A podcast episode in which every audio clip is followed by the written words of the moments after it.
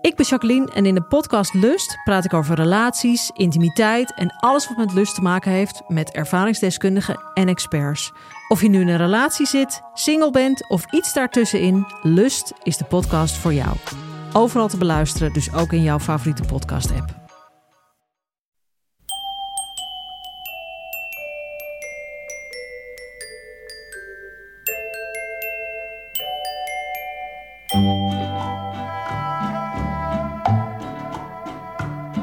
Welkom bij aflevering 383 van Echt Gebeurd, de podcast waarin mensen hun eigen waargebeurde verhalen vertellen. Deze week een verhaal dat Aniek Driessen in oktober vertelde tijdens een verhalenmiddag met als thema leugens.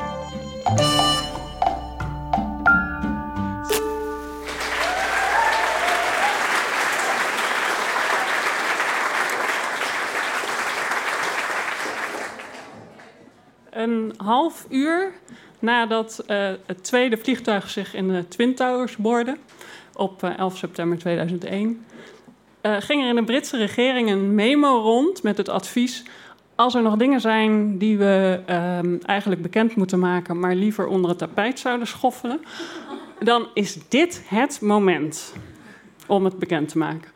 Want nu was alle aandacht even op iets veel groters. En uh, mijn tweelingbroer die zegt altijd, uh, toen ik dat voor het eerst hoorde, toen dacht ik meteen de trui. En de trui, dat is een trui die uh, mijn moeder ooit voor mij heeft gebreid. Nou, moet ik even iets vertellen over mijn moeder of over, mijn ouders.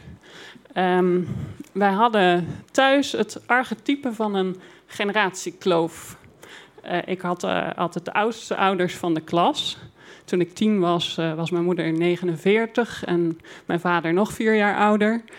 En um, die kloof, dat lag niet alleen aan de leeftijd. Ik had ook een heel andere smaak dan mijn ouders. Zij hadden graag gezien uh, dat mijn zus en ik hockeymeisjes waren geworden. En mijn broer dan denk ik een hockeyjongen. En um, wij zaten ook alle drie op hockey verplicht. Maar dat maakt nog geen hockeymeisje. En um, mijn vader was uh, voorzitter van de hockeyvereniging en actief voor de VVD. En ik had heel andere ideeën over de wereld. En um, het lastige was, daar konden we niet zo goed over praten, want um, dat was ook heel erg iets van die generatie. Over uh, persoonlijke dingen of dingen die een beetje moeilijk lagen, hadden ze het liever niet. Uh, mijn moeder zei vaak: praten maakt de dingen alleen maar erger. en dat gold bijvoorbeeld ook voor de jaren die mijn vader in zijn jeugd in Jappenkampen door had gebracht.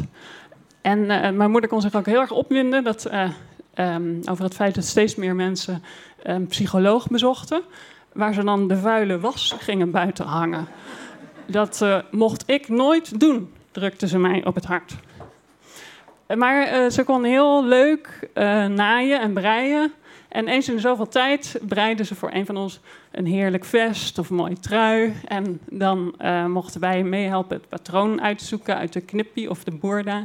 En ook de kleuren uitzoeken. En zo um, breiden ze ergens in mijn eerste studiejaar voor mij een heerlijk uh, royale, warme trui van uh, beige gemêleerde wol met uh, een grote kool. Echt een trui om in te wonen. Ik vond hem fantastisch. Ik uh, trok hem ook meteen niet meer uit. Dus het eerste feestje wat ik had, um, daar had ik die trui aan. Nou, het was natuurlijk veel te warm. Dus dat ding bezweet en waarschijnlijk volgerookt. En um, dat moest de volgende dag uh, in de was. En toen haalde ik het uh, uit de machine daarna. En, en de trui was veranderd in een poppentruitje. Knoert hard. Het bleef staan als ik het neerzette. En toen heb ik mijn uh, broer gebeld en ik heb uh, geroepen: een snijplankje. Mijn trui is een snijplankje geworden. Dat durfde ik natuurlijk niet aan mijn moeder te vertellen. Maar vanaf dat moment ging er um, nou, geen gelegenheid voorbij of zij informeerde: uh, waar is toch die trui gebleven? Ik zie jou nooit in die trui. En dan zei ik: nou, uh, mam, we zien elkaar één keer per maand, want ik kwam niet zoveel thuis. Ik heb zoveel kledingstukken waar je me nooit in ziet. En uh, ja, nee, ik heb die trui heel vaak aan. Dat is een heerlijke trui. Um, En mijn broer zat er dan wel eens bij en die zat zich dan te verbijten, want hem had ik medeplichtig gemaakt. En um, op een dag, uh, zeker een jaar later, ik had al een andere studentenkamer toen, uh, kwamen mijn ouders een keer um, bij mij op bezoek. Daar kwamen ze eigenlijk nooit. En mijn moeder uh, was ongeveer nog niet binnen of ze liep op mijn kledingkast af, trok de deuren open en begon te zoeken. Waar is toch die trui gebleven die ik toen voor jou gebreid heb?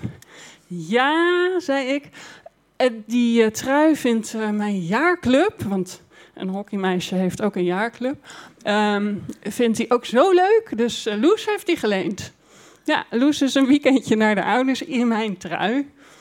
Uh, en zo uh, ging haar vragen en mijn ontwijken jarenlang door. En in die jaren um, ging het met mij steeds slechter. Ik werd nogal depressief. Ik had, uh, was inmiddels begonnen stiekem een psycholoog te bezoeken. Maar ik kreeg ook allerlei, uh, naast die depressieve klachten, ook allerlei rare uh, symptomen. Ik trilde heel erg en ik kreeg heel erg hartkloppingen. Ik had het ook altijd warm. Ik liep in de winter in een t-shirt. Geen warme truien meer voor mij. En um, mijn moeder had al wel eens geopperd tegen mijn vader... zou zij misschien ook iets aan haar schildklier hebben... Want mijn moeder was zelf schildklierpatiënt en uh, haar zus ook. Maar ja, dat was een lastig onderwerp. Dus daar was ze tegen mij niet over begonnen. En uh, later zou blijken dat, ze, dat dat jammer was, want ze had er gelijk in.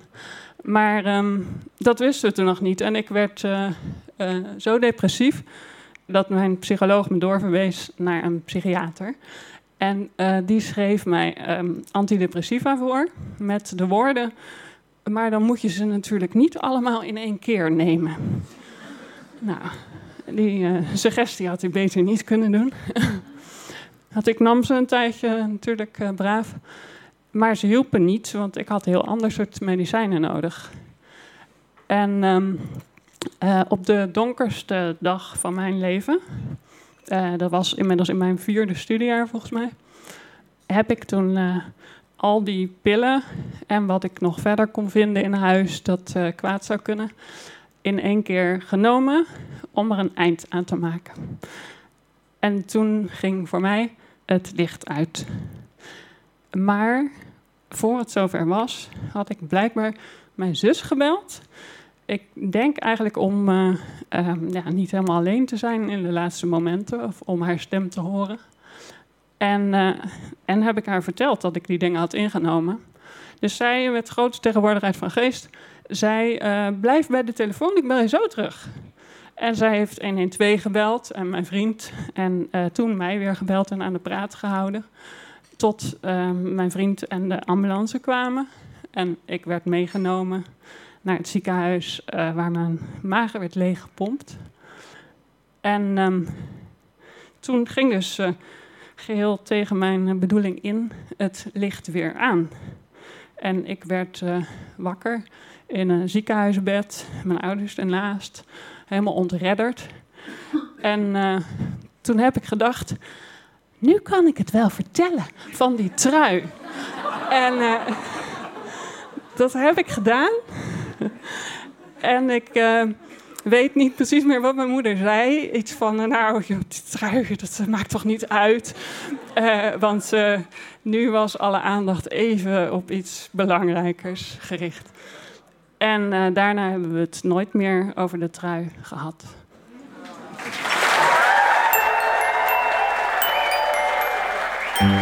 Je hoorde een verhaal van Aniek Driessen. Aniek werkt als freelance tekstschrijver en schrijft daarnaast vrij werk. Voorbeeld van haar verhalen vind je op metgeenpen.nl. Als jij denkt aan zelfdoding, kun je 24 uur per dag gratis en anoniem contact opnemen met 113. Dat kan via de zelfmoordpreventielijn nummer 0800 113 of via de chat op www.113.nl. De redactie van Echt Gebeurd bestaat uit Paulien Cornelissen, Tom van Rooyen, Renette Kwakkenbos en mijzelf, Micha Wertheim. Productie Hanne Ebbing en zaaltechniek Jasper van Oorschot, podcast Gijsbert van der Wal. Ben je nog op zoek naar een last minute Sinterklaas cadeau voor een Echt Gebeurd fan die ook van lezen houdt? Denk dan eens aan ons boek, of eigenlijk aan onze cassette met drie boekjes Echt gebeurd op papier. Dat is overal te bestellen en bij iedere zichzelf respecterende boekhandel te koop. Dit was aflevering 383. Graag tot de volgende week en vergeet ondertussen niet: praten maakt de dingen soms ook minder erg.